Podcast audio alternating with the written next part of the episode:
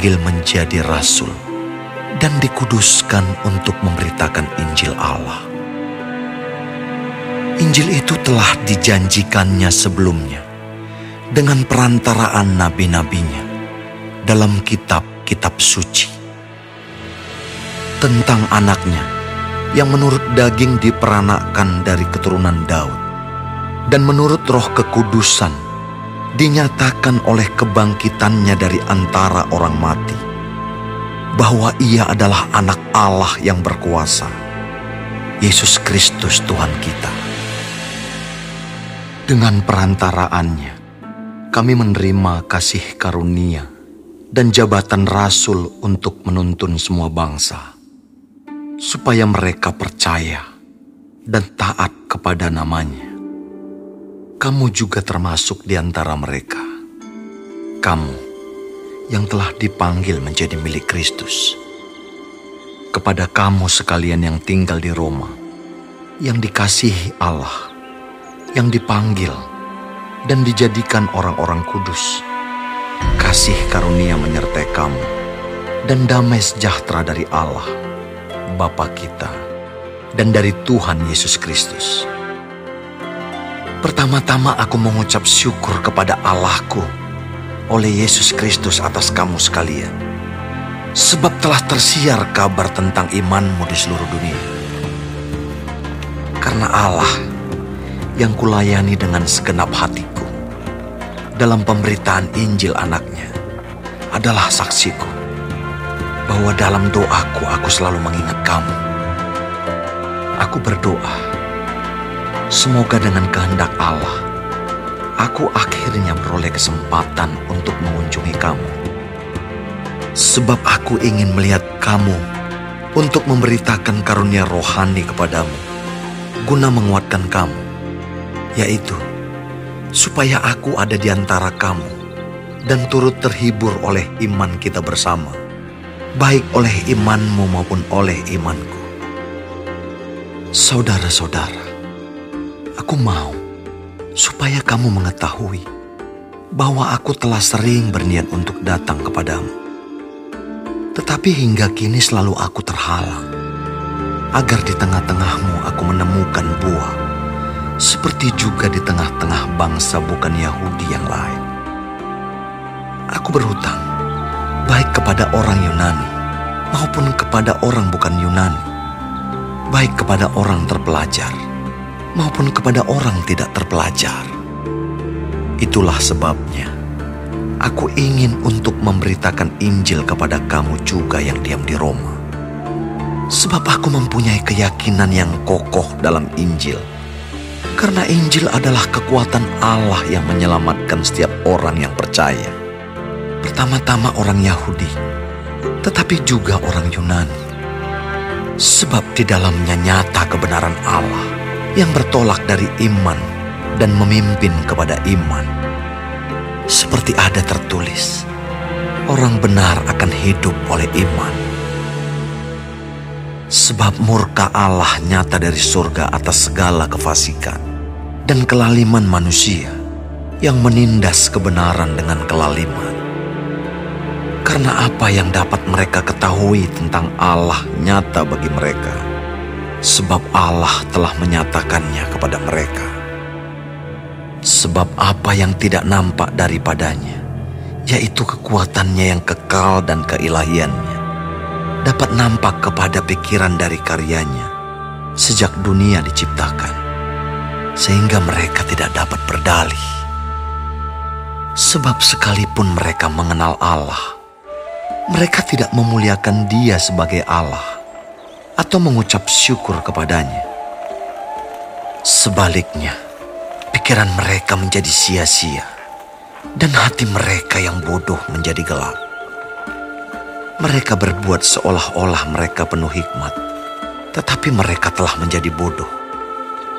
Mereka menggantikan kemuliaan Allah yang tidak fana dengan gambaran yang mirip dengan manusia yang fana burung-burung, binatang-binatang yang berkaki empat, atau binatang-binatang yang menjalar. Karena itu, Allah menyerahkan mereka kepada keinginan hati mereka akan kecemaran, sehingga mereka saling mencemarkan tubuh mereka. Sebab mereka menggantikan kebenaran Allah dengan dusta dan memuja dan menyembah makhluk dengan melupakan penciptanya yang harus dipuji selama-lamanya. Amin. Karena itu, Allah menyerahkan mereka kepada hawa nafsu yang memalukan. Sebab istri-istri mereka menggantikan persetubuhan yang wajar dengan yang tak wajar.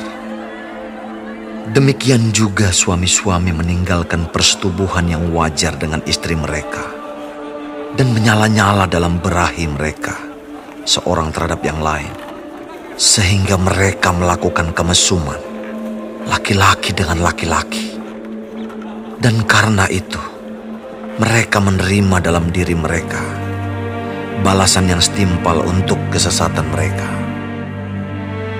Dan karena mereka tidak merasa perlu untuk mengakui Allah, maka Allah menyerahkan mereka kepada pikiran-pikiran yang terkutuk, sehingga mereka melakukan apa yang tidak pantas, penuh dengan rupa-rupa kelaliman, kejahatan, keserakahan dan kebusukan, penuh dengan dengki, pembunuhan, perselisihan, tipu muslihat dan kefasikan.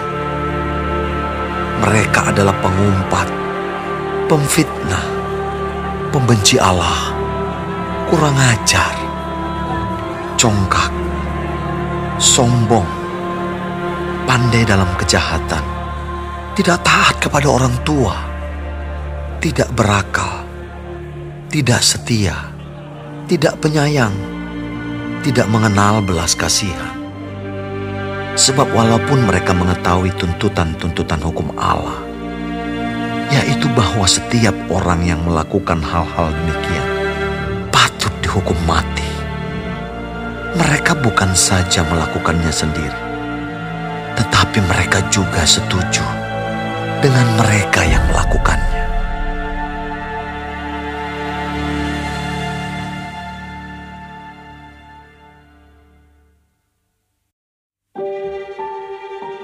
Karena itu, hai manusia, siapa pun juga engkau yang menghakimi orang lain, engkau sendiri tidak bebas dari salah.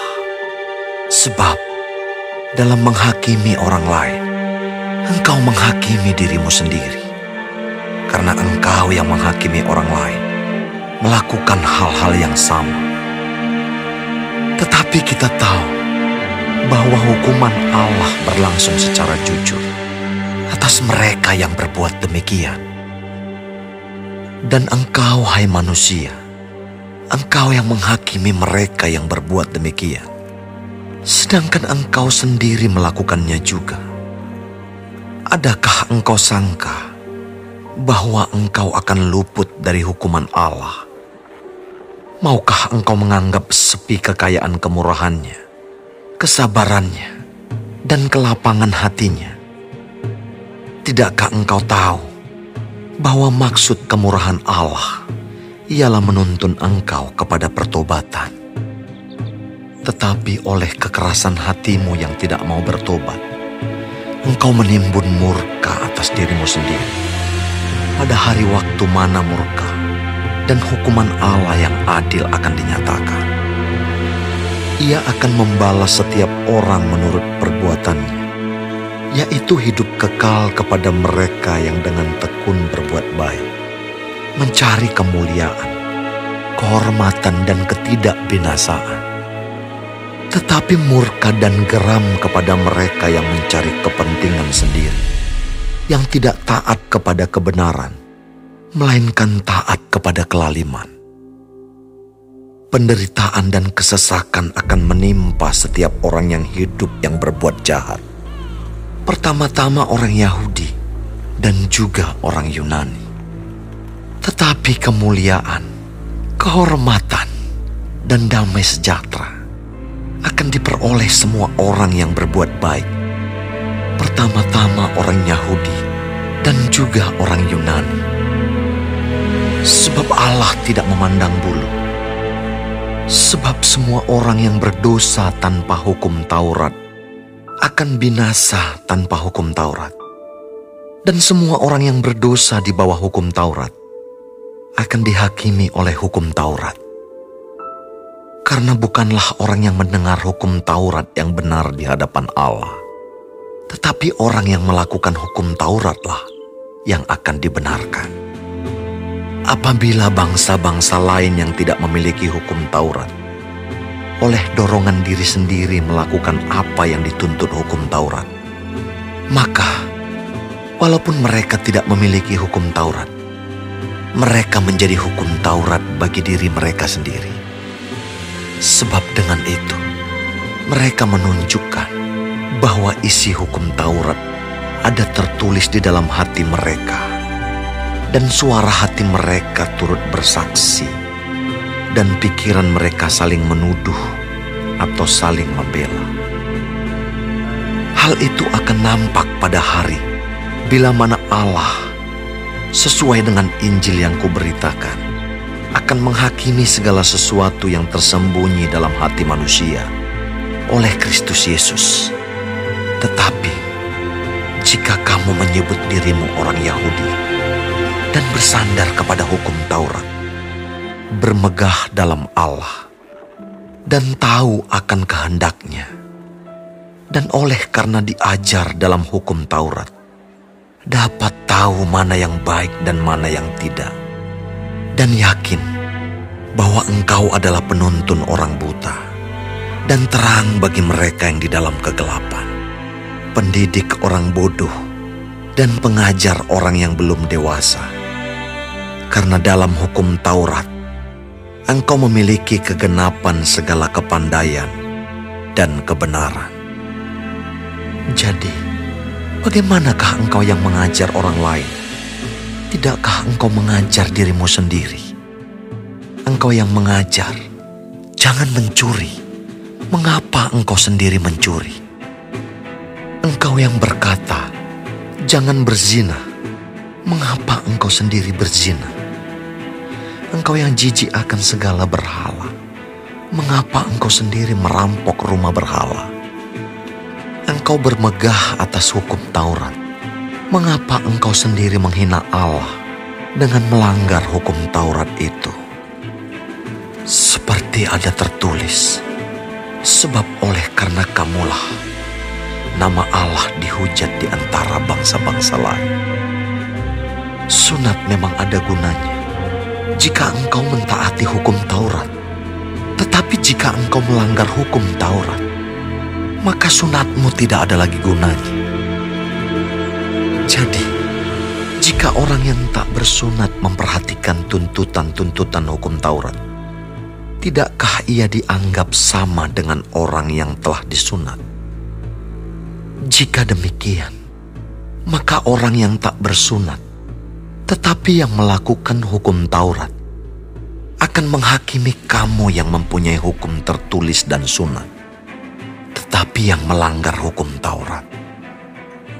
Sebab yang disebut Yahudi bukanlah orang yang lahiria Yahudi. Dan yang disebut sunat bukanlah sunat yang dilangsungkan secara lahiria. Tetapi orang Yahudi sejati ialah dia yang tidak nampak keyahudiannya. Dan sunat ialah sunat di dalam hati, secara rohani, bukan secara hurufiah maka pujian baginya datang bukan dari manusia, melainkan dari Allah.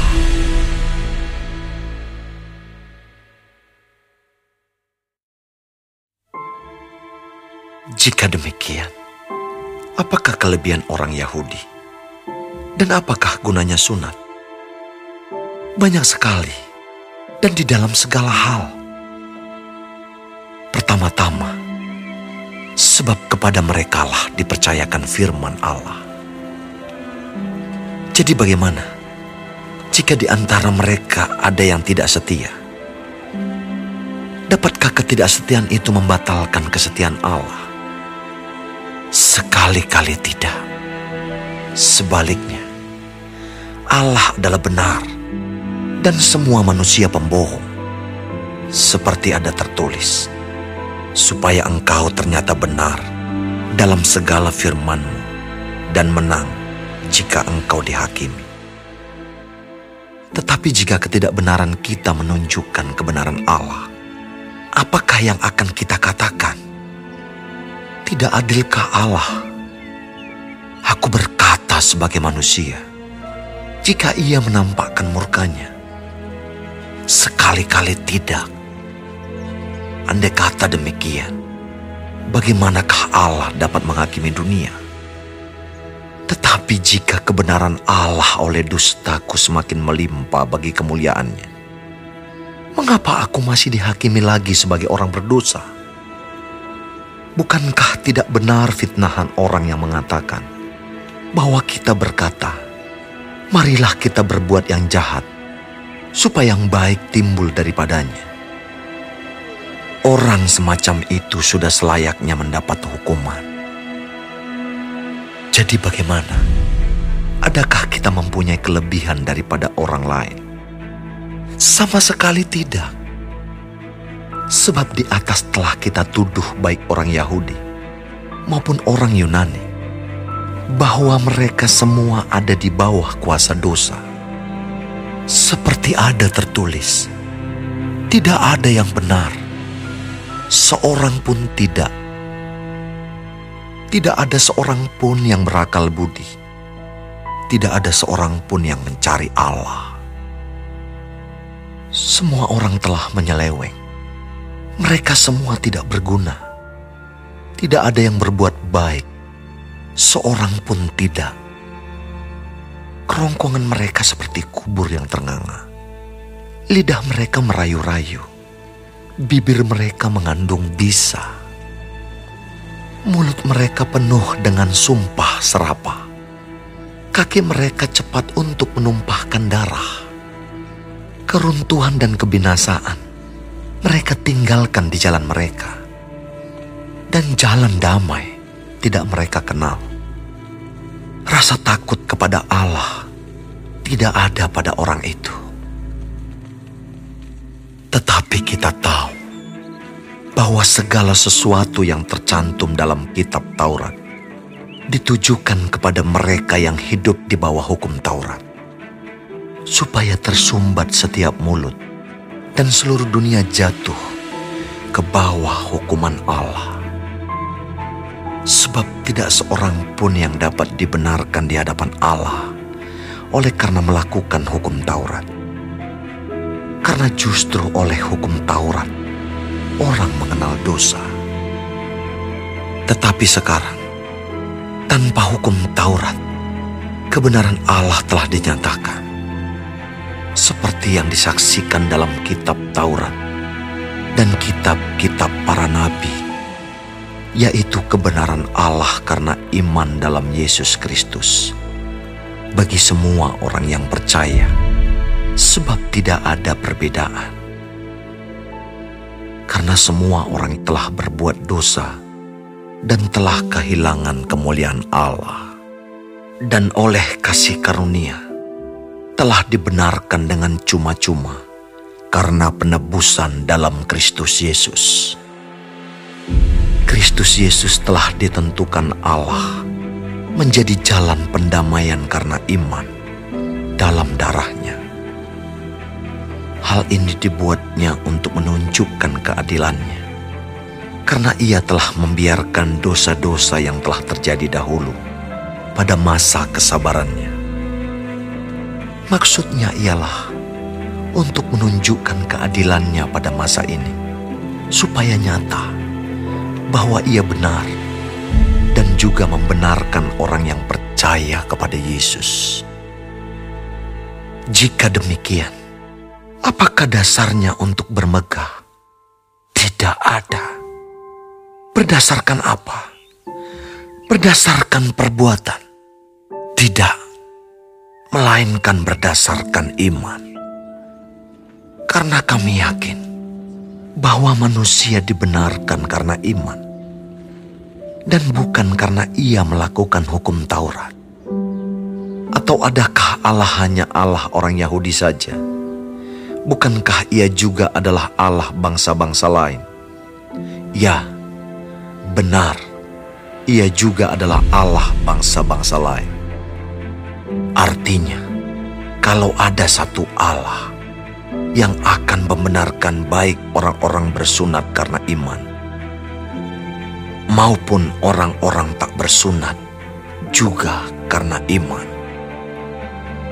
Jika demikian, adakah kami membatalkan hukum Taurat karena iman? Sama sekali tidak. Sebaliknya, kami meneguhkannya.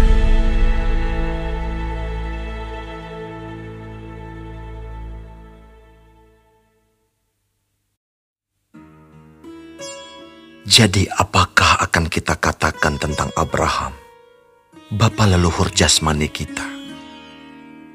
Sebab jikalau Abraham dibenarkan karena perbuatannya, maka ia beroleh dasar untuk bermegah, tetapi tidak di hadapan Allah.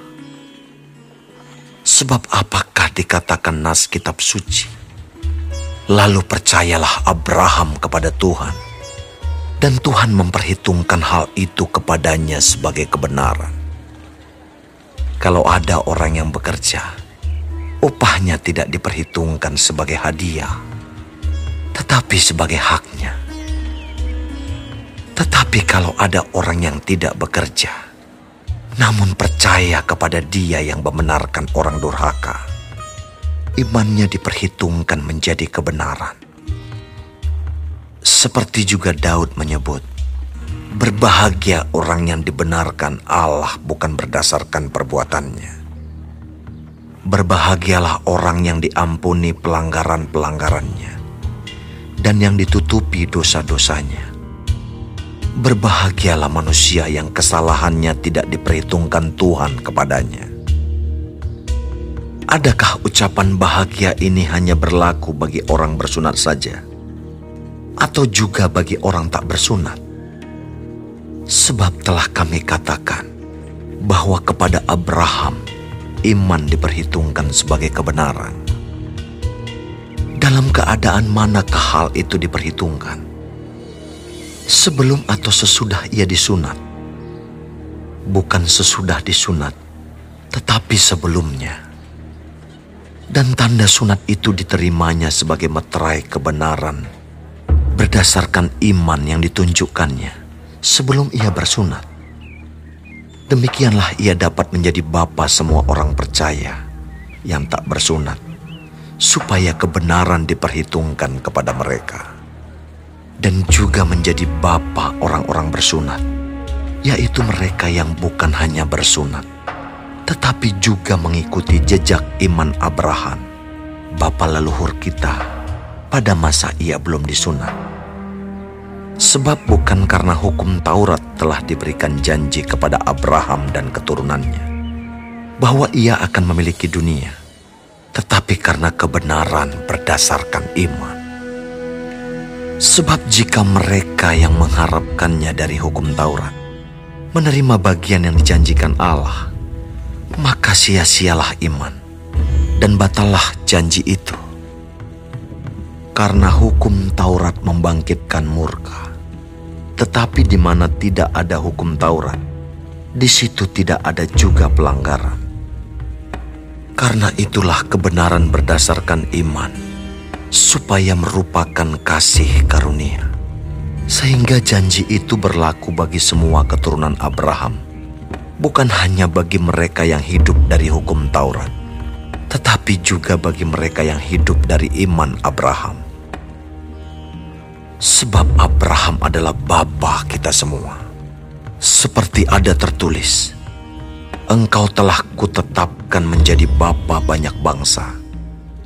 Di hadapan Allah yang kepadanya ia percaya, yaitu Allah yang menghidupkan orang mati dan yang menjadikan dengan firman-Nya apa yang tidak ada menjadi ada.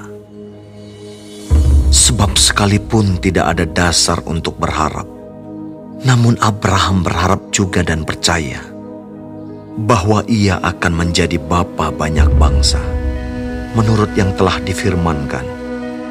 Demikianlah banyaknya nanti keturunanmu. Imannya tidak menjadi lemah, walaupun ia mengetahui bahwa tubuhnya sudah sangat lemah karena usianya telah kira-kira 100 tahun dan bahwa rahim Sarah telah tertutup.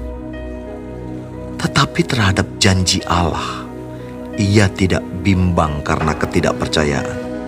Malah ia diperkuat dalam imannya dan ia memuliakan Allah dengan penuh keyakinan bahwa Allah berkuasa untuk melaksanakan apa yang telah ia janjikan. Karena itu, hal ini diperhitungkan kepadanya sebagai kebenaran.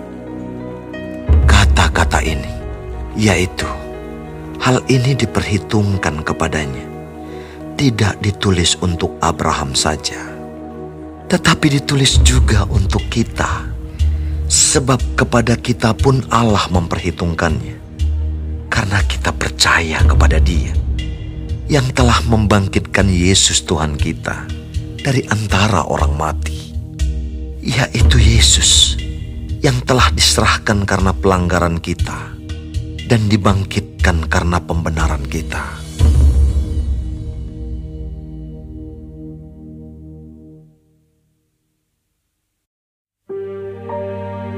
Sebab itu, kita yang dibenarkan karena iman, kita hidup dalam damai sejahtera dengan Allah oleh karena Tuhan kita Yesus Kristus.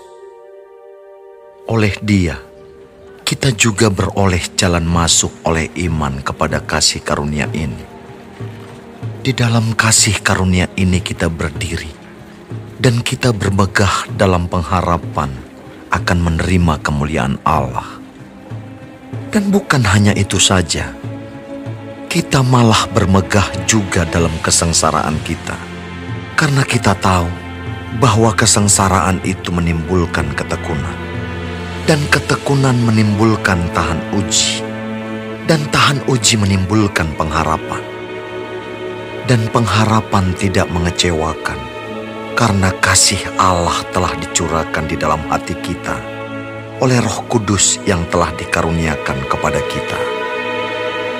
Karena waktu kita masih lemah, Kristus telah mati untuk kita orang-orang durhaka pada waktu yang ditentukan oleh Allah.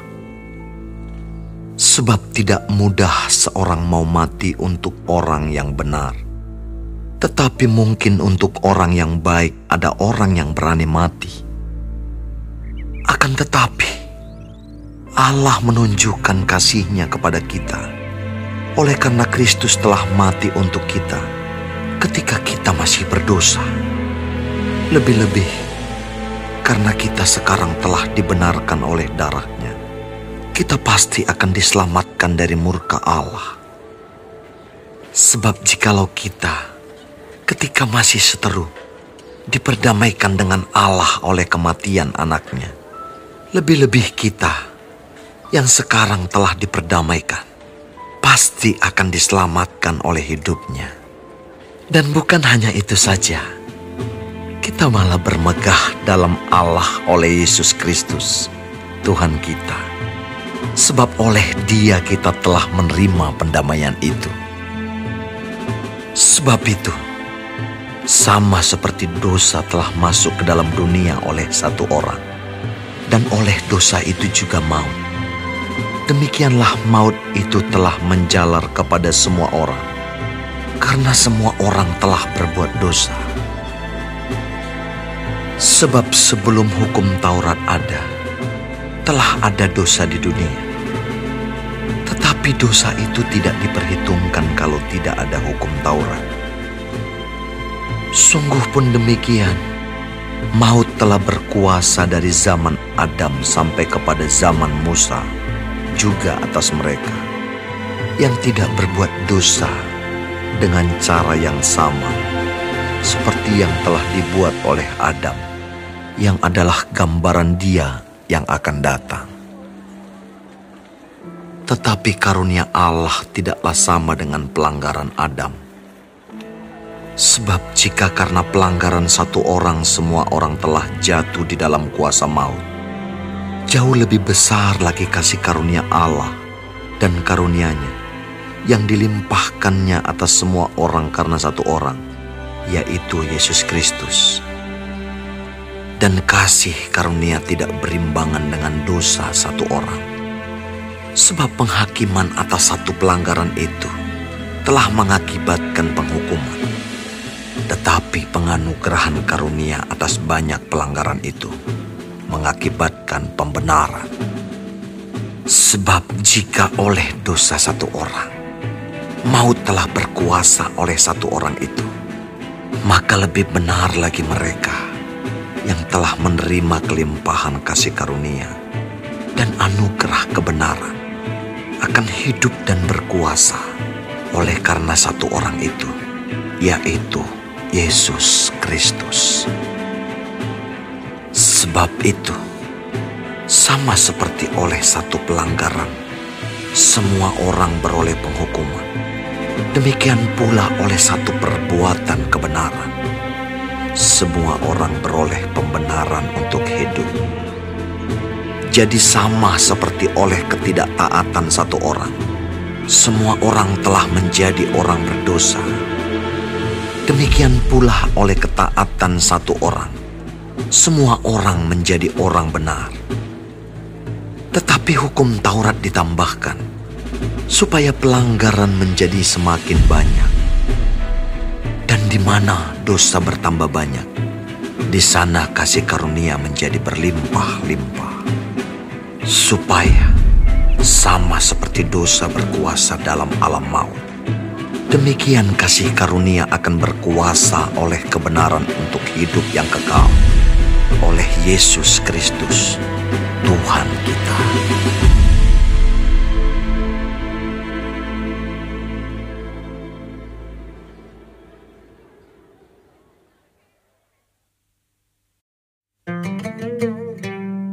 Jika demikian, apakah yang hendak kita katakan? Bolehkah kita bertekun dalam dosa supaya semakin bertambah kasih karunia itu? Sekali-kali tidak. Bukankah kita telah mati bagi dosa? Bagaimanakah kita masih dapat hidup di dalamnya? Atau tidak tahukah kamu bahwa kita semua yang telah dibaptis dalam Kristus telah dibaptis dalam kematiannya?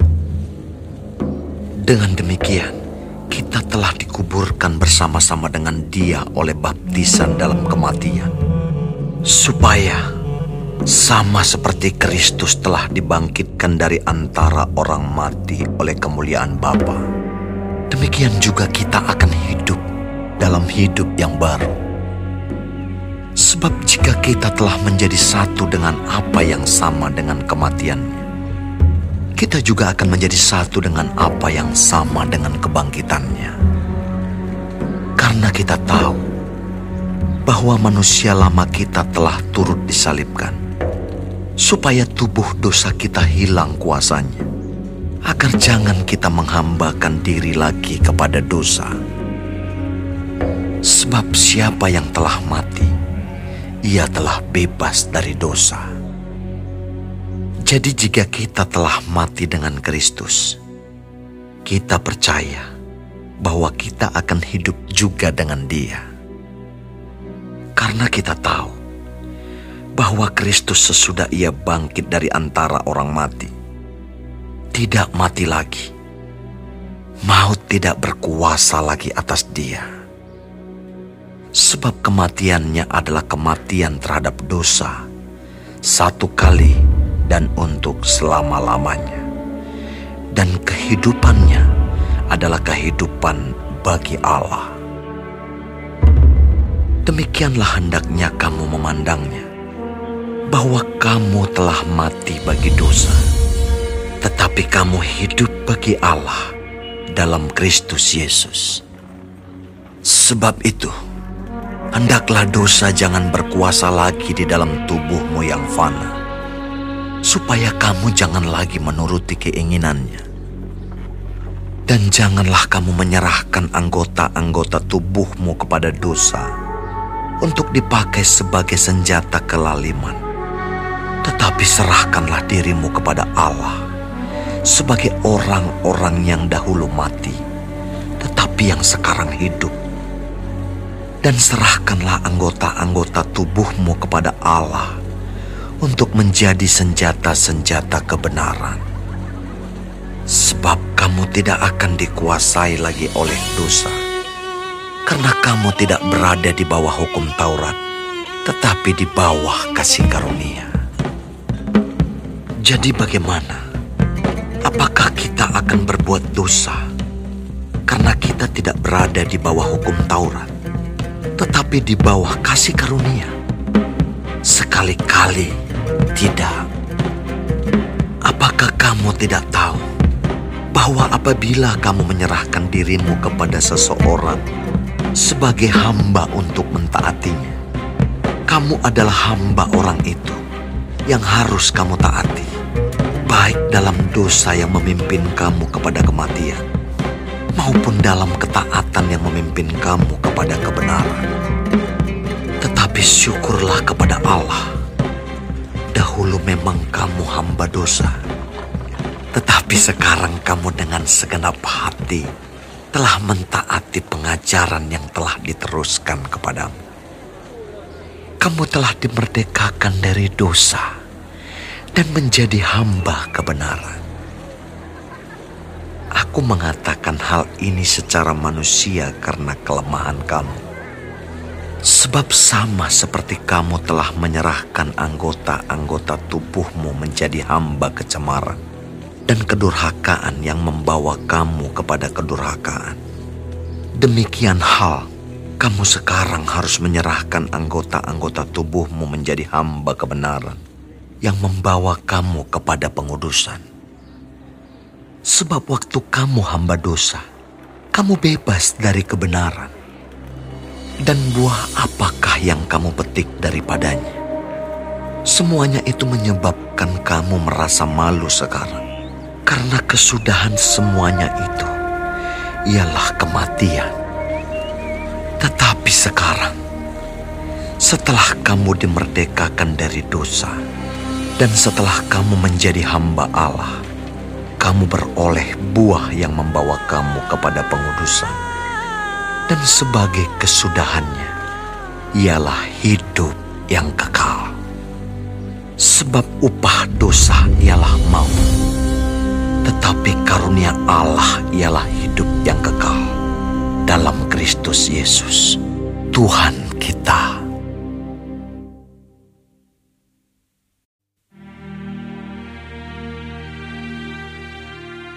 Kamu tidak tahu, saudara-saudara? Sebab aku berbicara kepada mereka yang mengetahui hukum, bahwa hukum berkuasa atas seseorang selama orang itu hidup.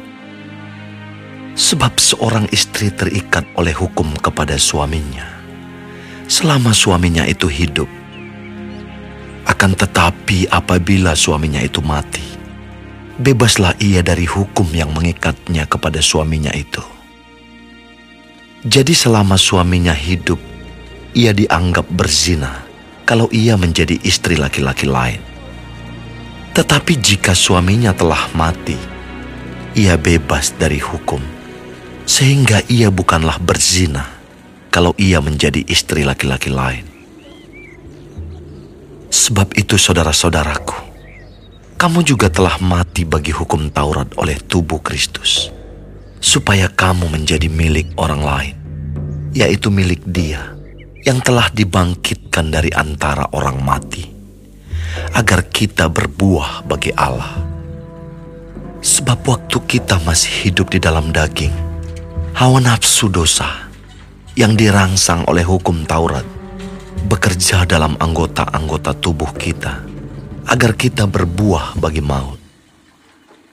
Tetapi sekarang kita telah dibebaskan dari hukum Taurat, sebab kita telah mati bagi Dia yang mengurung kita, sehingga kita sekarang melayani dalam keadaan baru menurut Roh, dan bukan dalam keadaan lama menurut huruf hukum Taurat. Jika demikian, apakah yang hendak kita katakan?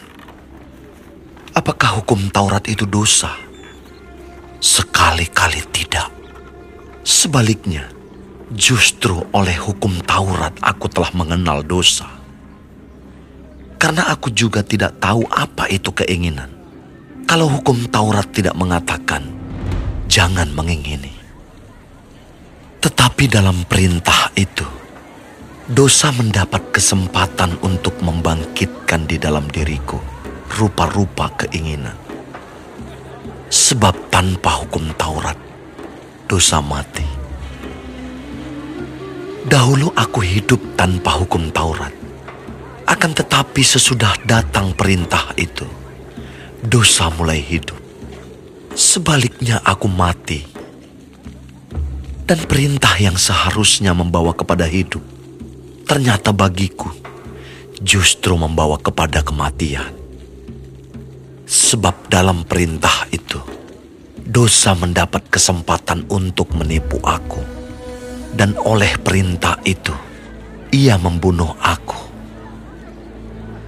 Jadi, hukum Taurat adalah kudus. Dan perintah itu juga adalah kudus, benar dan baik. Jika demikian, adakah yang baik itu menjadi kematian bagiku? Sekali-kali tidak tetapi supaya nyata bahwa ia adalah dosa. Maka dosa mempergunakan yang baik untuk mendatangkan kematian bagiku. Supaya oleh perintah itu, dosa lebih nyata lagi keadaannya sebagai dosa. Sebab kita tahu bahwa hukum Taurat adalah rohani. Tetapi aku bersifat daging terjual di bawah kuasa dosa. Sebab apa yang aku perbuat, aku tidak tahu. Karena bukan apa yang kukendaki yang aku perbuat, tetapi apa yang aku benci, itulah yang aku perbuat. Jadi jika aku perbuat apa yang tidak aku kehendaki, aku menyetujui bahwa hukum Taurat itu baik. Kalau demikian, bukan aku lagi yang memperbuatnya, tetapi dosa yang ada di dalam aku.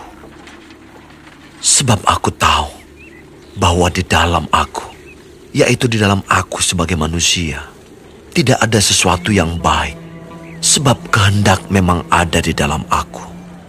Tetapi bukan hal berbuat apa yang baik, sebab bukan apa yang aku kehendaki, yaitu yang baik yang aku perbuat melainkan apa yang tidak aku kehendaki, yaitu yang jahat yang aku perbuat.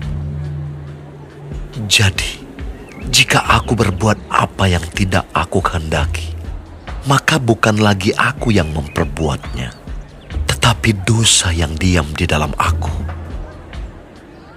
Demikianlah aku dapati hukum ini.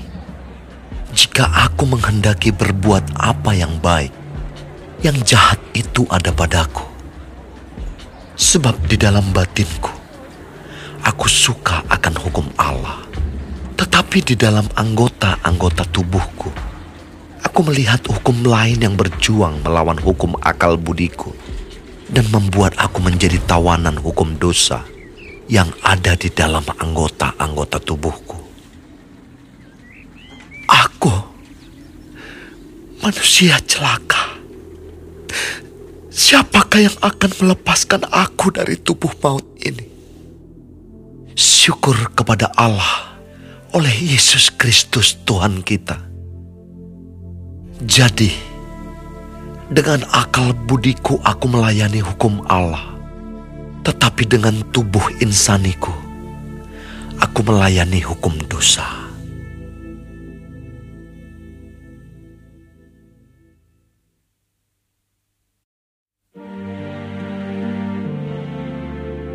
Demikianlah, sekarang tidak ada penghukuman bagi mereka yang ada di dalam Kristus Yesus. Roh yang memberi hidup telah memerdekakan kamu dalam Kristus dari hukum dosa dan hukum maut.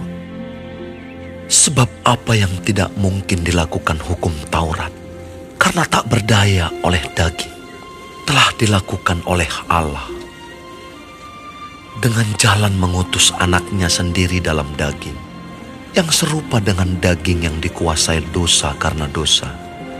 Ia telah menjatuhkan hukuman atas dosa di dalam daging, supaya tuntutan hukum Taurat digenapi di dalam kita, yang tidak hidup menurut daging, tetapi menurut roh. Sebab mereka yang hidup menurut daging memikirkan hal-hal yang dari daging. Mereka yang hidup menurut roh memikirkan hal-hal yang dari roh. Karena keinginan daging adalah maut, tetapi keinginan roh adalah hidup dan damai sejahtera. Sebab keinginan daging adalah perseteruan terhadap Allah, karena ia tidak takluk kepada hukum Allah. Hal ini memang tidak mungkin baginya. Mereka yang hidup dalam daging tidak mungkin berkenan kepada Allah. Tetapi kamu tidak hidup dalam daging, melainkan dalam roh. Jika memang roh Allah diam di dalam kamu. Tetapi jika orang tidak memiliki roh Kristus, ia bukan milik Kristus.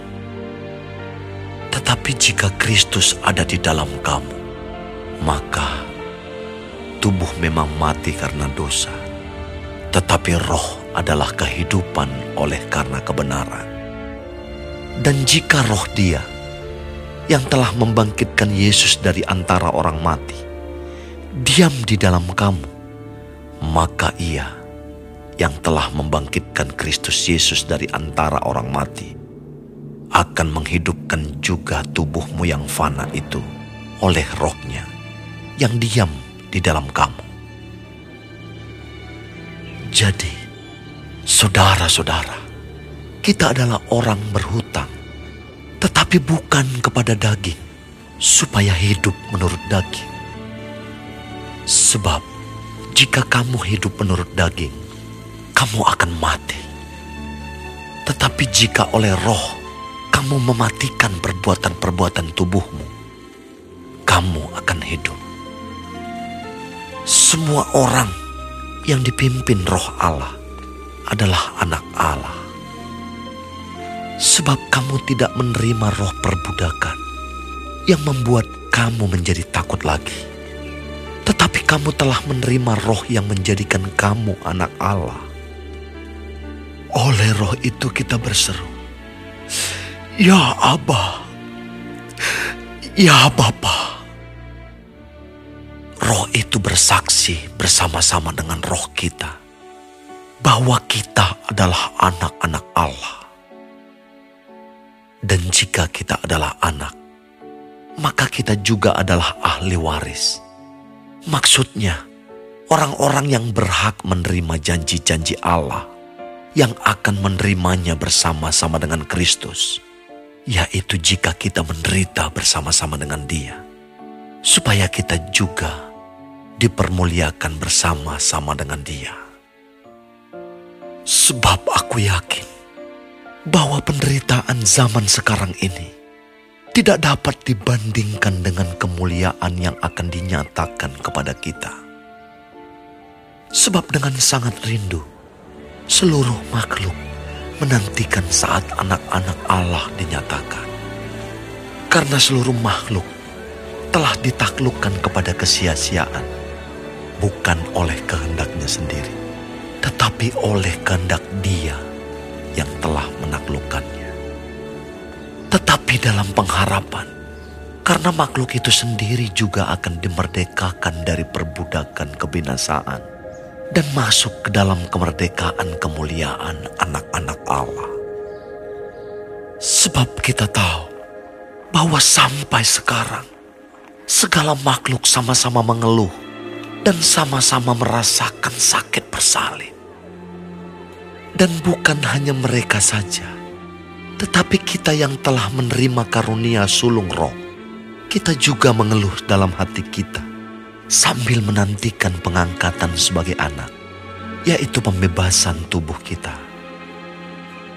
Sebab kita diselamatkan dalam pengharapan. Tetapi pengharapan yang dilihat bukan pengharapan lagi. Sebab bagaimana orang masih mengharapkan apa yang dilihatnya? Tetapi jika kita mengharapkan apa yang tidak kita lihat, kita menantikannya dengan tekun. Demikian juga roh membantu kita dalam kelemahan kita. Sebab kita tidak tahu bagaimana sebenarnya harus berdoa. Tetapi roh sendiri berdoa untuk kita kepada Allah dengan keluhan-keluhan yang tidak terucapkan. Dan Allah yang menyelidiki hati nurani mengetahui maksud roh itu, yaitu bahwa ia sesuai dengan kehendak Allah, berdoa untuk orang-orang kudus. Kita tahu sekarang bahwa Allah turut bekerja dalam segala sesuatu untuk mendatangkan kebaikan bagi mereka yang mengasihi Dia, yaitu bagi mereka yang terpanggil sesuai dengan rencana Allah. Sebab semua orang yang dipilihnya dari semula mereka juga ditentukannya dari semula untuk menjadi serupa dengan gambaran anaknya, supaya ia, anaknya itu, menjadi yang sulung di antara banyak saudara. Dan mereka yang ditentukannya dari semula, mereka itu juga dipanggilnya. Dan mereka yang dipanggilnya, mereka itu juga dibenarkannya dan mereka yang dibenarkannya, mereka itu juga dimuliakannya. Sebab itu, apakah yang akan kita katakan tentang semuanya itu? Jika Allah di pihak kita, siapakah yang akan melawan kita? Ia yang tidak menyayangkan anaknya sendiri, tetapi yang menyerahkannya bagi kita semua. Bagaimanakah mungkin ia tidak mengaruniakan segala sesuatu kepada kita bersama-sama dengan Dia. Siapakah yang akan menggugat orang-orang pilihan Allah? Allah yang membenarkan mereka. Siapakah yang akan menghukum mereka? Kristus Yesus yang telah mati, bahkan lebih lagi, yang telah bangkit, yang juga duduk di sebelah kanan Allah yang malah menjadi pembela bagi kita. Siapakah yang akan memisahkan kita dari kasih Kristus? Penindasan atau kesesakan, atau penganiayaan, atau kelaparan atau ketelanjangan, atau bahaya, atau pedang. Seperti ada tertulis, oleh karena engkau kami ada dalam bahaya maut sepanjang hari kami telah dianggap sebagai domba-domba sembelihan. Tetapi dalam semuanya itu, kita lebih daripada orang-orang yang menang oleh Dia yang telah mengasihi kita. Sebab aku yakin bahwa baik maut maupun hidup, baik malaikat-malaikat maupun pemerintah-pemerintah, baik yang ada sekarang maupun yang akan datang, atau kuasa-kuasa, baik yang di atas maupun yang di bawah, ataupun sesuatu makhluk lain, tidak akan dapat memisahkan kita dari kasih Allah yang ada dalam Kristus Yesus, Tuhan kita.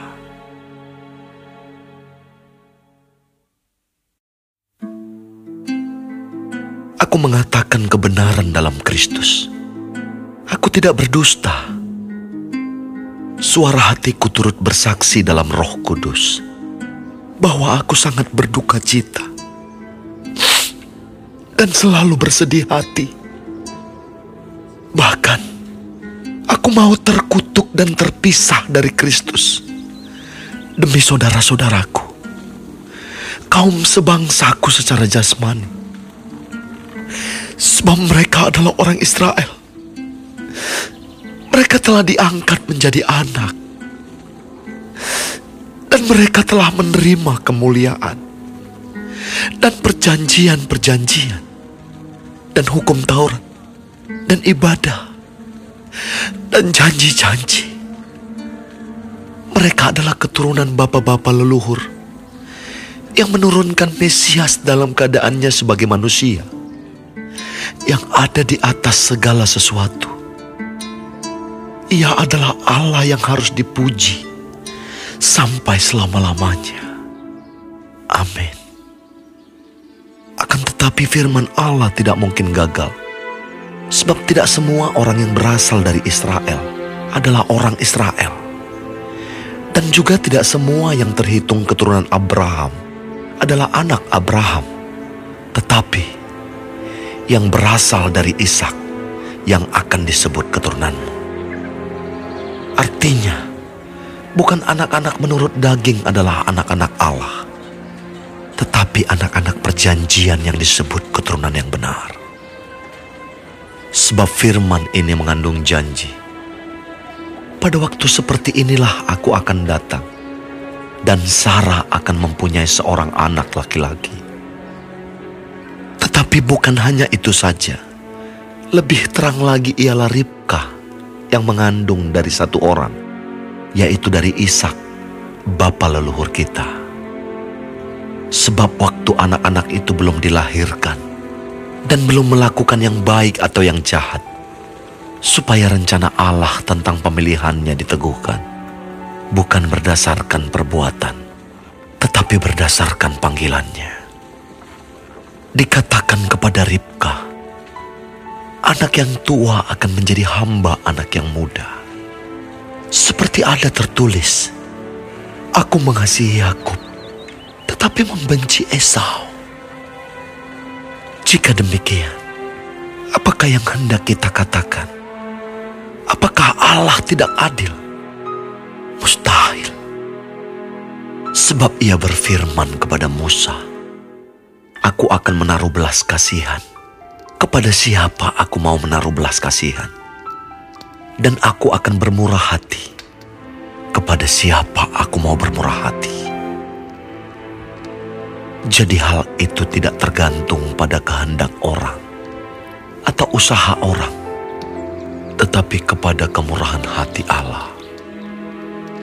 Sebab kitab suci berkata kepada Firaun, Itulah sebabnya aku membangkitkan engkau, yaitu supaya aku memperlihatkan kuasaku di dalam engkau, dan supaya namaku dimasyurkan di seluruh bumi. Jadi, ia menaruh belas kasihan kepada siapa yang dikehendakinya, dan ia mendegarkan hati siapa yang dikehendakinya.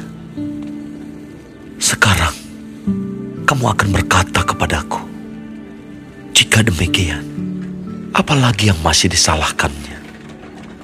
Sebab siapa yang menentang kehendaknya? Siapakah kamu, hai manusia? Maka kamu membantah Allah. Dapatkah yang dibentuk berkata kepada yang membentuknya, Mengapakah engkau membentuk aku demikian? Apakah tukang periuk tidak mempunyai hak atas tanah liatnya untuk membuat dari gumpal yang sama suatu benda untuk dipakai guna tujuan yang mulia dan suatu benda lain untuk dipakai guna tujuan yang biasa? Jadi, kalau untuk menunjukkan murkanya dan menyatakan kuasanya, Allah menaruh kesabaran yang besar terhadap benda-benda kemurkaannya yang telah disiapkan untuk kebinasaan. Justru untuk menyatakan kekayaan kemuliaannya atas benda-benda belas kasihannya yang telah dipersiapkannya untuk kemuliaan, yaitu kita yang telah dipanggilnya bukan hanya dari antara orang Yahudi, tetapi juga dari antara bangsa-bangsa lain. Seperti yang difirmankannya juga dalam kitab Nabi Hosea, yang bukan umatku akan kusebut umatku, dan yang bukan kekasih, kekasih. Dan di tempat di mana akan dikatakan kepada mereka, kamu ini bukanlah umatku, di sana akan dikatakan kepada mereka, anak-anak Allah yang hidup. Dan Yesaya berseru tentang Israel. Sekalipun jumlah anak Israel seperti pasir di laut, namun hanya sisanya akan diselamatkan. Sebab apa yang telah difirmankannya akan dilakukan Tuhan di atas bumi, sempurna dan segera. Dan seperti yang dikatakan Yesaya sebelumnya, seandainya Tuhan semesta alam tidak meninggalkan pada kita keturunan, kita sudah menjadi seperti Sodom dan sama seperti Gomora. Jika demikian, apakah yang hendak kita katakan? Ini bahwa bangsa-bangsa lain yang tidak mengejar kebenaran telah beroleh kebenaran, yaitu kebenaran karena iman. Tetapi bahwa Israel sungguh pun mengejar hukum yang akan mendatangkan kebenaran, tidaklah sampai kepada hukum itu. Mengapa tidak? Karena Israel mengejarnya bukan karena iman, tetapi karena perbuatan. Mereka tersandung pada batu sandungan. Seperti ada tertulis, Sesungguhnya, aku meletakkan di Sion sebuah batu sentuhan dan sebuah batu sandungan. Dan siapa yang percaya kepadanya, tidak akan dipermalukan.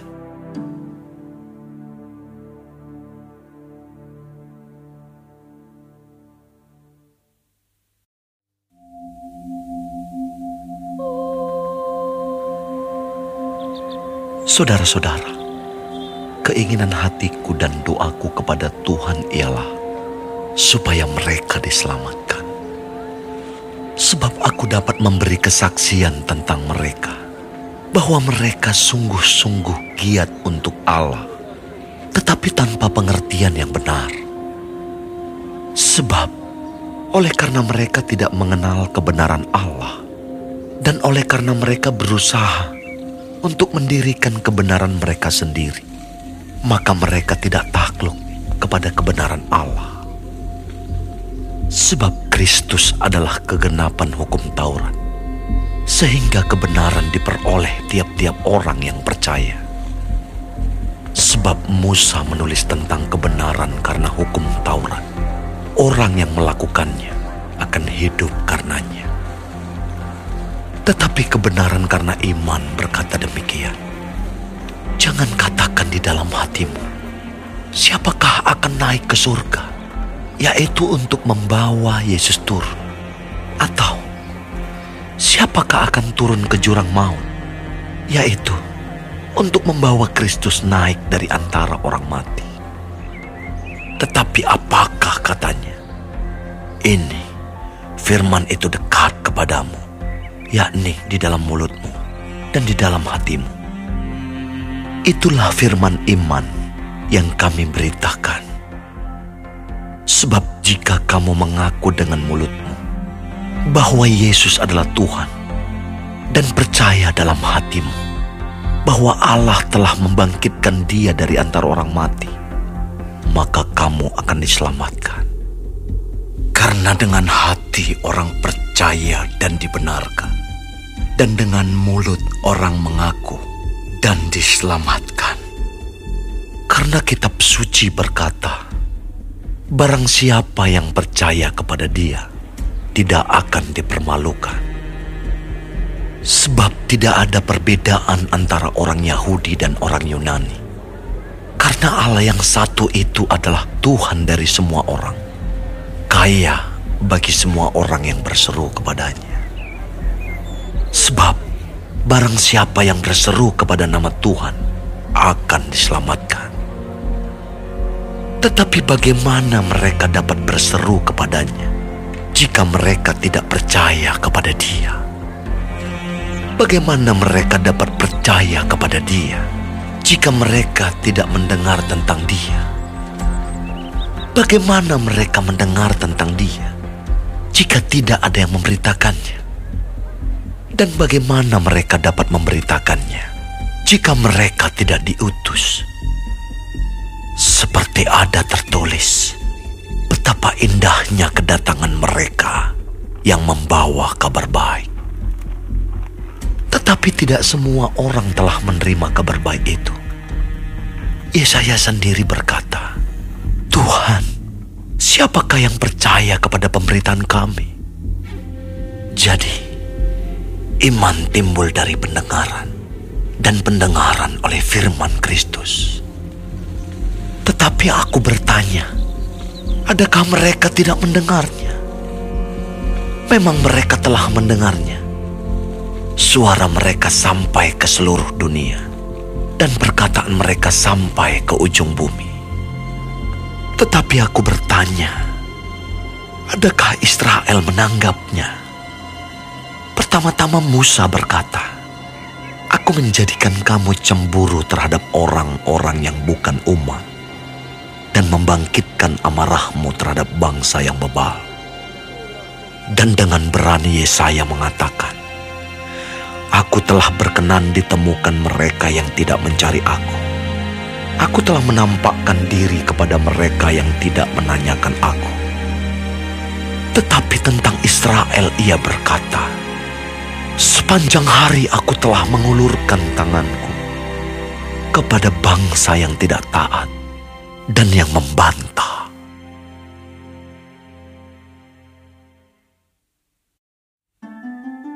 Maka aku bertanya, adakah Allah mungkin telah menolak umatnya? Sekali-kali tidak. Karena aku sendiri pun orang Israel dari keturunan Abraham dari suku Benyamin. Allah tidak menolak umatnya yang dipilihnya. Ataukah kamu tidak tahu apa yang dikatakan kitab suci tentang Elia waktu ia mengadukan Israel kepada Allah? Tuhan, nabi-nabimu telah mereka bunuh.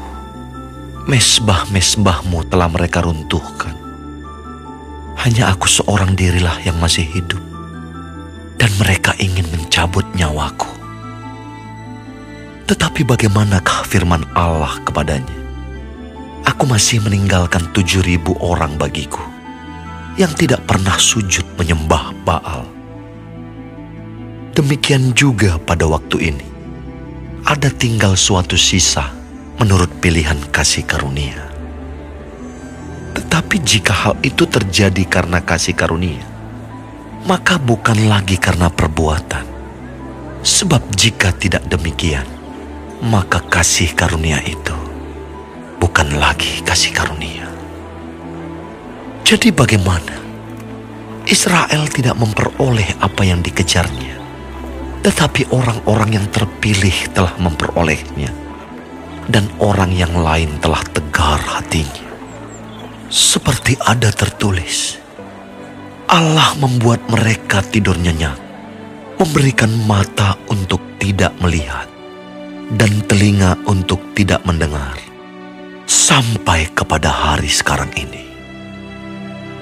Dan Daud berkata, biarlah jamuan mereka menjadi jerat dan perangkap, penyesatan dan pembalasan bagi mereka.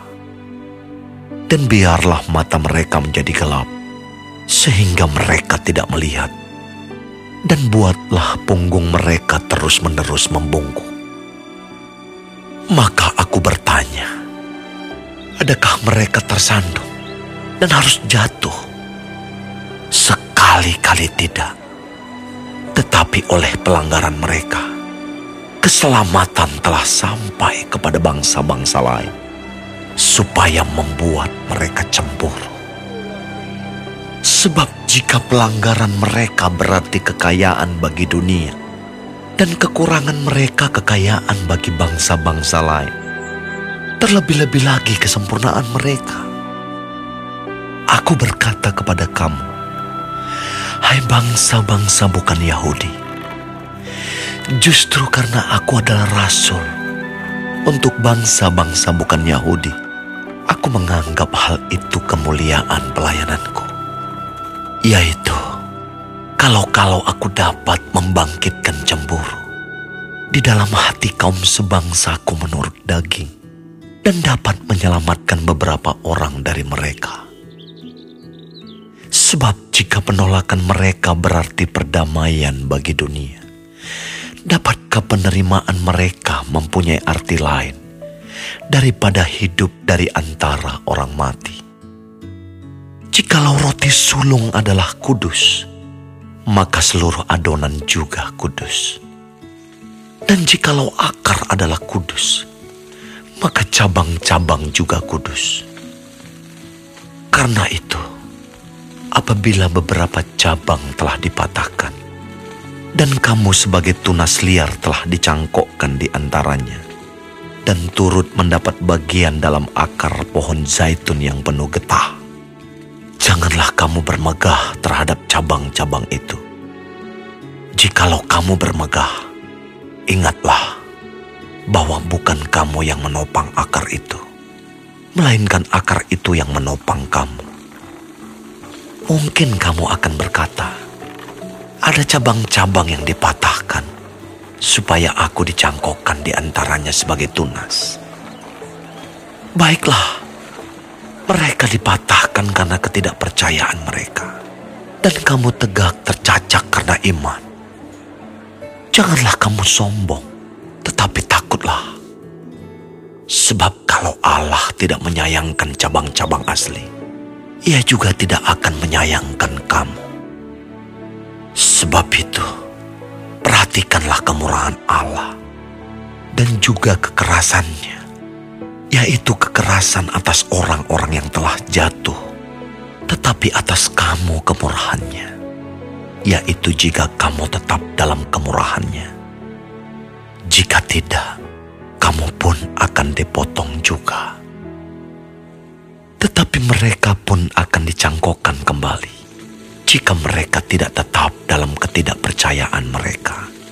Sebab Allah berkuasa untuk mencangkokkan mereka kembali.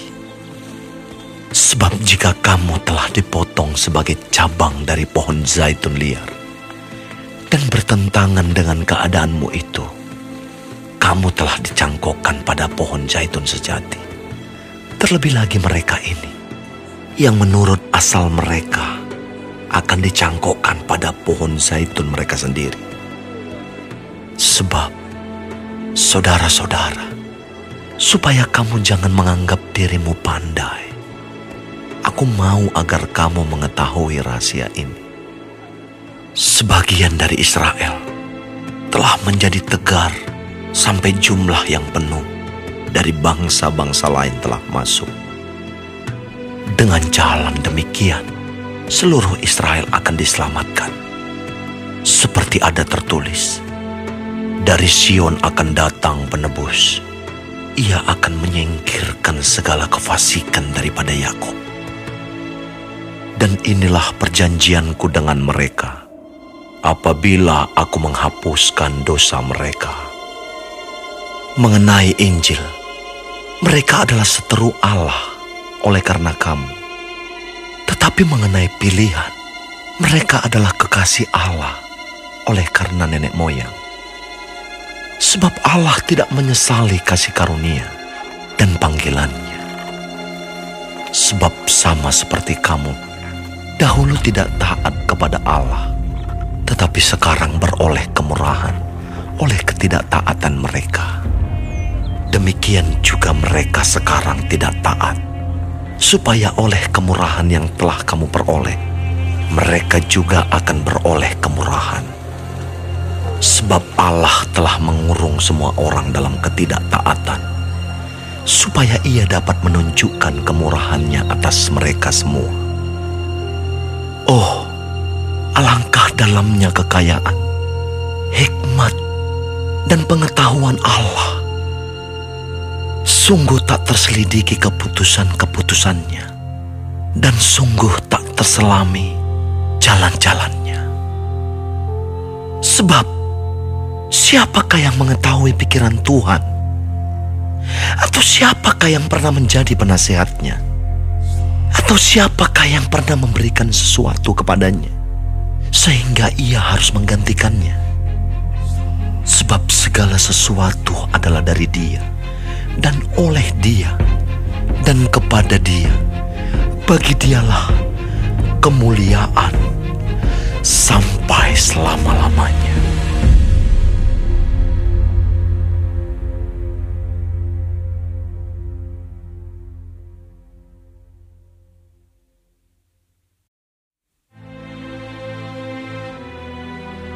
Karena itu, saudara-saudara, Demi kemurahan Allah aku menasihatkan kamu supaya kamu mempersembahkan tubuhmu sebagai persembahan yang hidup, yang kudus, dan yang berkenan kepada Allah.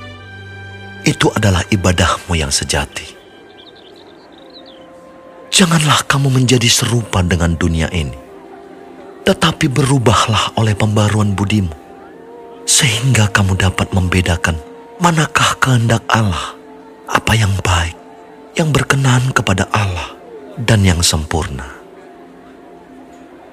Berdasarkan kasih karunia yang dianugerahkan kepadaku, aku berkata kepada setiap orang di antara kamu, janganlah kamu memikirkan hal-hal yang lebih tinggi daripada yang patut kamu pikirkan.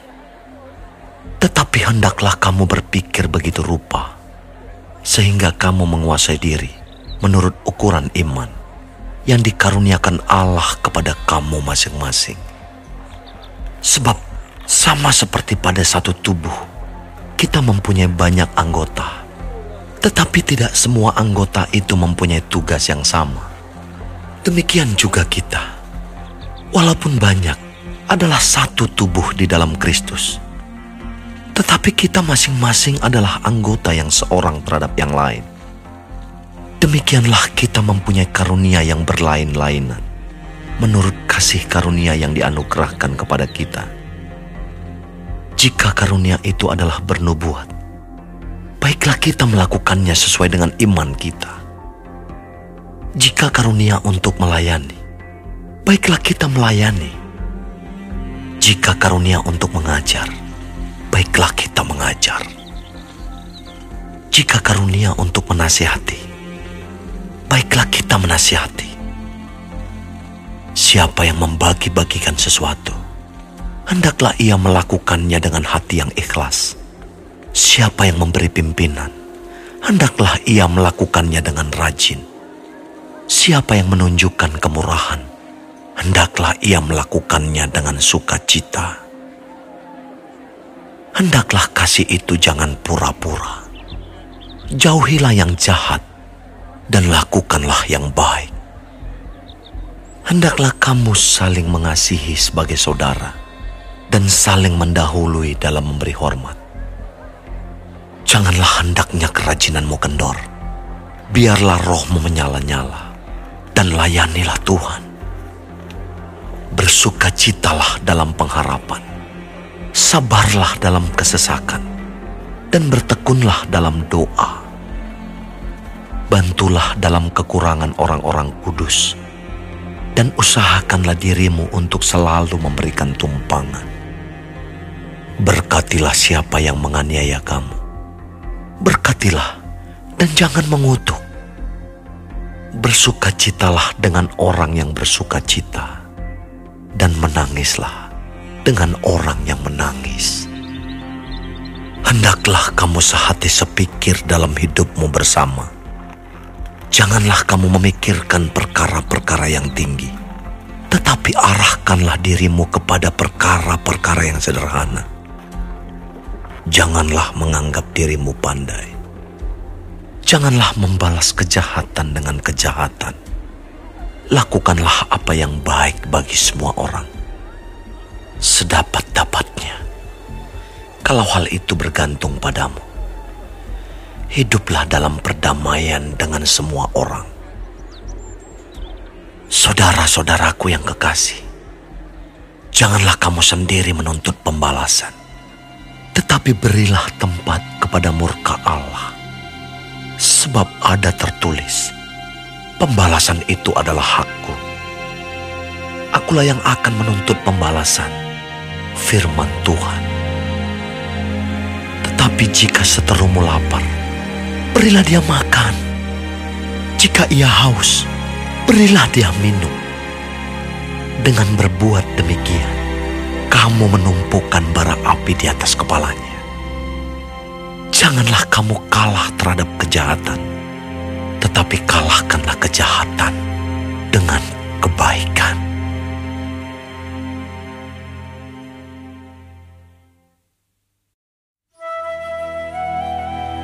Tiap-tiap orang harus takluk kepada pemerintah yang di atasnya, sebab tidak ada pemerintah yang tidak berasal dari Allah.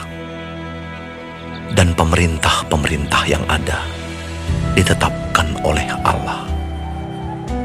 Sebab itu, barang siapa melawan pemerintah, ia melawan ketetapan Allah. Dan siapa yang melakukannya akan mendatangkan hukuman atas dirinya. Sebab jika seorang berbuat baik, ia tidak usah takut kepada pemerintah. Hanya jika ia berbuat jahat. Maukah kamu hidup tanpa takut terhadap pemerintah? Perbuatlah apa yang baik, dan kamu akan beroleh pujian daripadanya. Karena pemerintah adalah hamba Allah untuk kebaikanmu. Tetapi jika engkau berbuat jahat, takutlah akan dia. Karena tidak percuma pemerintah menyandang pedang. Pemerintah adalah hamba Allah untuk membalaskan murka Allah atas mereka yang berbuat jahat. Sebab itu, perlu kita menaklukkan diri, bukan saja oleh karena kemurkaan Allah, tetapi juga oleh karena suara hati kita. Itulah juga sebabnya, maka kamu membayar pajak. Karena mereka yang mengurus hal itu adalah pelayan-pelayan Allah. Bayarlah kepada semua orang apa yang harus kamu bayar. Pajak kepada orang yang berhak menerima pajak. Cukai kepada orang yang berhak menerima cukai. Rasa takut kepada orang yang berhak menerima rasa takut, dan hormat kepada orang yang berhak menerima hormat. Janganlah kamu berhutang apa-apa kepada siapa pun juga, tetapi hendaklah kamu saling mengasihi. Sebab barang siapa mengasihi sesamanya manusia, ia sudah memenuhi hukum Taurat. Karena firman, jangan berzina, jangan membunuh, jangan mencuri, jangan mengingini, dan firman lain mana pun juga sudah tersimpul dalam firman ini, yaitu kasihilah sesamamu manusia seperti dirimu sendiri. Kasih tidak berbuat jahat terhadap sesama manusia. Karena itu, kasih adalah kegenapan hukum Taurat. Hal ini harus kamu lakukan karena kamu mengetahui keadaan waktu sekarang, yaitu bahwa saatnya telah tiba bagi kamu untuk bangun dari tidur. Sebab sekarang keselamatan sudah lebih dekat bagi kita daripada waktu kita menjadi percaya. Hari sudah jauh malam, telah hampir siang. Sebab itu, marilah kita menanggalkan perbuatan-perbuatan kegelapan dan mengenakan perlengkapan senjata terang. Marilah kita hidup dengan sopan, seperti pada siang hari. Jangan dalam pesta pora dan kemabukan. Jangan dalam percabulan dan hawa nafsu. Jangan dalam perselisihan dan iri hati. Tetapi, kenakanlah Tuhan Yesus Kristus sebagai perlengkapan senjata terang. Dan janganlah merawat tubuhmu untuk memuaskan keinginannya.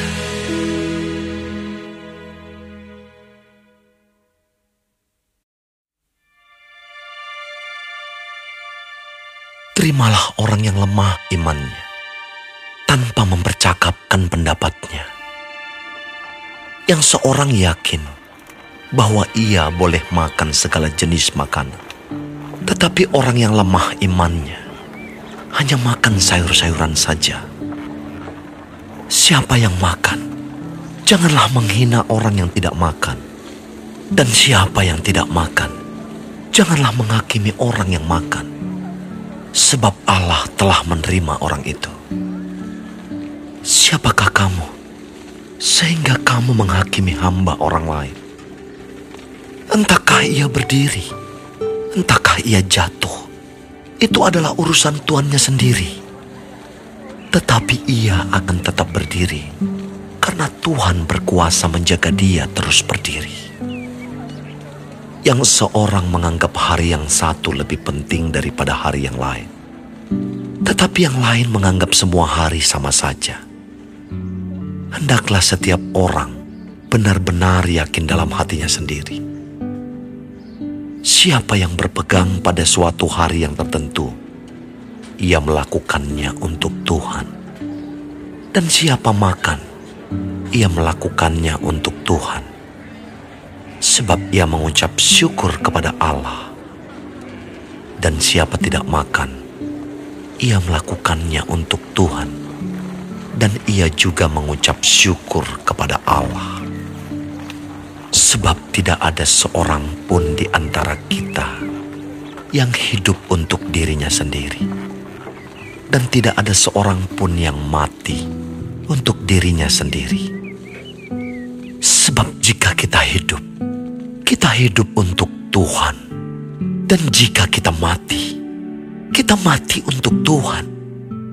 Jadi baik hidup atau mati, kita adalah milik Tuhan.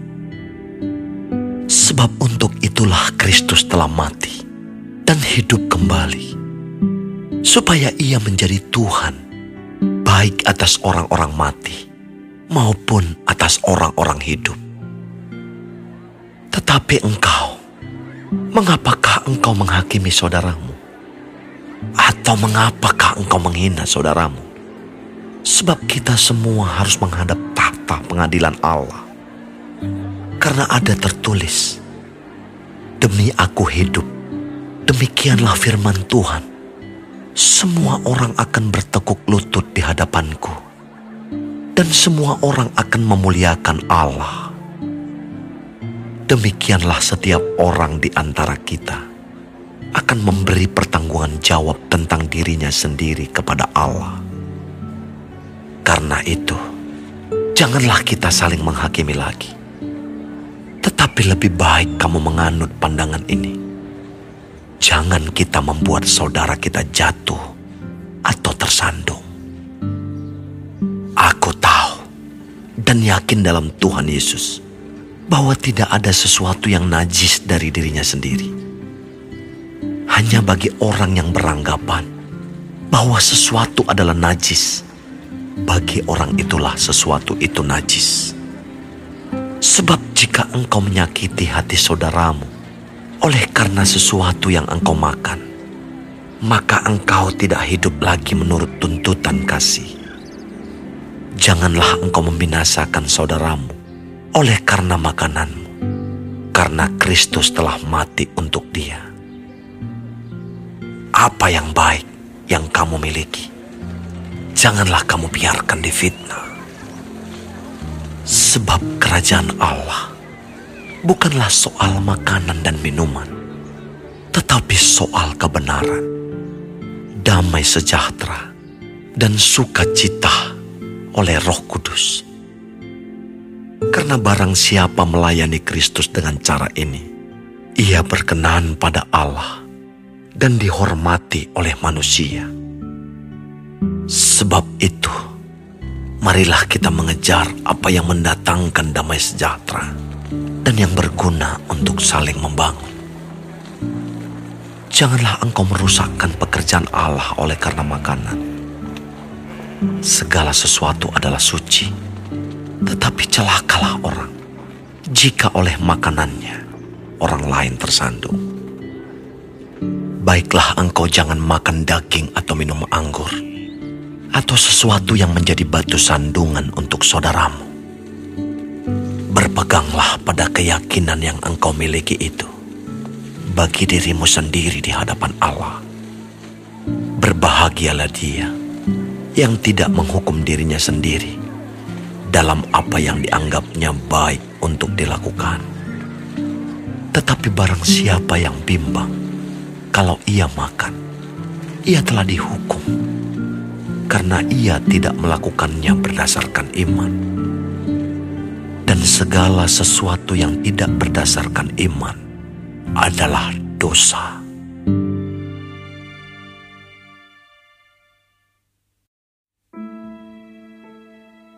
Kita yang kuat wajib menanggung kelemahan orang yang tidak kuat. Dan jangan kita mencari kesenangan kita sendiri. Setiap orang di antara kita harus mencari kesenangan sesama kita demi kebaikannya untuk membangunnya.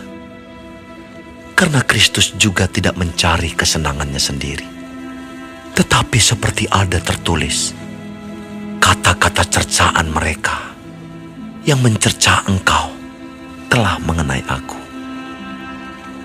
Sebab segala sesuatu yang ditulis dahulu telah ditulis untuk menjadi pelajaran bagi kita, supaya kita teguh berpegang pada pengharapan oleh ketekunan dan penghiburan dari kitab suci. Semoga Allah yang adalah sumber ketekunan dan penghiburan mengaruniakan kerukunan kepada kamu sesuai dengan kehendak Kristus Yesus sehingga dengan satu hati dan satu suara, kamu memuliakan Allah dan Bapa Tuhan kita, Yesus Kristus. Sebab itu, terimalah satu akan yang lain, sama seperti Kristus juga telah menerima kita untuk kemuliaan Allah. Yang aku maksudkan ialah bahwa oleh karena kebenaran Allah, Kristus telah menjadi pelayan orang-orang bersunat untuk mengokohkan janji yang telah diberikannya kepada nenek moyang kita. Dan untuk memungkinkan bangsa-bangsa supaya mereka memuliakan Allah karena rahmatnya. Seperti ada tertulis, Sebab itu aku akan memuliakan engkau di antara bangsa-bangsa dan menyanyikan mazmur bagi namamu. Dan selanjutnya, Bersukacitalah, hai bangsa-bangsa, dengan umatnya. Dan lagi, pujilah Tuhan, hai kamu semua bangsa-bangsa, dan biarlah segala suku bangsa memuji dia. Dan selanjutnya kata Yesaya, Taruk dari pangkal Isai akan terbit, dan ia akan bangkit untuk memerintah bangsa-bangsa. Dan kepadanya lah bangsa-bangsa akan menaruh harapan Semoga Allah, sumber pengharapan, memenuhi kamu dengan segala sukacita dan damai sejahtera dalam iman kamu, supaya oleh kekuatan Roh Kudus kamu berlimpah-limpah dalam pengharapan. Saudara-saudaraku, aku sendiri memang yakin tentang kamu, bahwa kamu juga telah penuh dengan kebaikan dan dengan segala pengetahuan dan sanggup untuk saling menasihati. Namun, karena kasih karunia yang telah dianugerahkan Allah kepadaku, aku di sana sini dengan agak berani telah menulis kepadamu untuk mengingatkan kamu, yaitu bahwa aku boleh menjadi pelayan Kristus Yesus bagi bangsa-bangsa bukan Yahudi dalam pelayanan pemberitaan Injil Allah supaya bangsa-bangsa bukan Yahudi dapat diterima oleh Allah sebagai persembahan yang berkenan kepadanya, yang disucikan oleh Roh Kudus. Jadi, dalam Kristus, aku boleh bermegah tentang pelayananku bagi Allah, sebab aku tidak akan berani berkata-kata tentang sesuatu yang lain, kecuali tentang apa yang telah dikerjakan Kristus olehku yaitu untuk memimpin bangsa-bangsa lain kepada ketaatan oleh perkataan dan perbuatan, oleh kuasa tanda-tanda dan mujizat-mujizat, dan oleh kuasa roh. Demikianlah dalam perjalanan keliling dari Yerusalem sampai ke Ilirikum, aku telah memberitakan sepenuhnya Injil Kristus.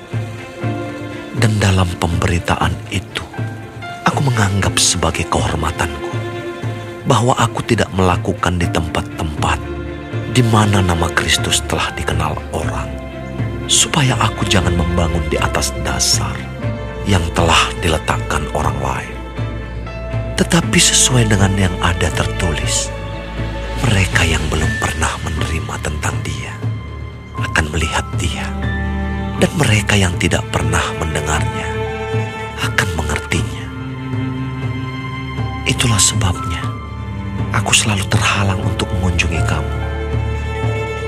Tetapi sekarang, karena aku tidak lagi mempunyai tempat kerja di daerah ini, dan karena aku telah beberapa tahun lamanya ingin mengunjungi kamu, aku harap dalam perjalananku ke Spanyol, aku dapat singgah di tempatmu dan bertemu dengan kamu, sehingga kamu dapat mengantarkan aku ke sana setelah aku seketika menikmati pertemuan dengan kamu. Tetapi sekarang aku sedang dalam perjalanan ke Yerusalem untuk mengantarkan bantuan kepada orang-orang kudus. Sebab Makedonia dan Akaya telah mengambil keputusan untuk menyumbangkan sesuatu kepada orang-orang miskin di antara orang-orang kudus di Yerusalem. Keputusan itu memang telah mereka ambil, tetapi itu adalah kewajiban mereka.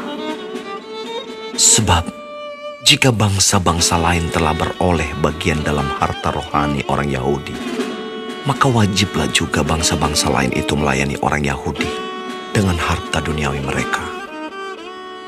Apabila aku sudah menunaikan tugas itu dan sudah menyerahkan hasil usaha bangsa-bangsa lain itu kepada mereka, aku akan berangkat ke Spanyol melalui kota kamu. Dan aku tahu bahwa jika aku datang mengunjungi kamu, aku akan melakukannya dengan penuh berkat Kristus. Tetapi demi Kristus, Tuhan kita, dan demi kasih roh, aku menasihatkan kamu, saudara-saudara, untuk bergumul bersama-sama dengan aku dalam doa kepada supaya aku terpelihara dari orang-orang yang tidak taat di Yudea, dan supaya pelayananku untuk Yerusalem disambut dengan baik oleh orang-orang kudus di sana. Agar aku yang dengan sukacita datang kepadamu oleh kehendak Allah, beroleh kesegaran bersama-sama dengan kamu. Allah, sumber damai sejahtera, menyertai kamu sekalian. Amin.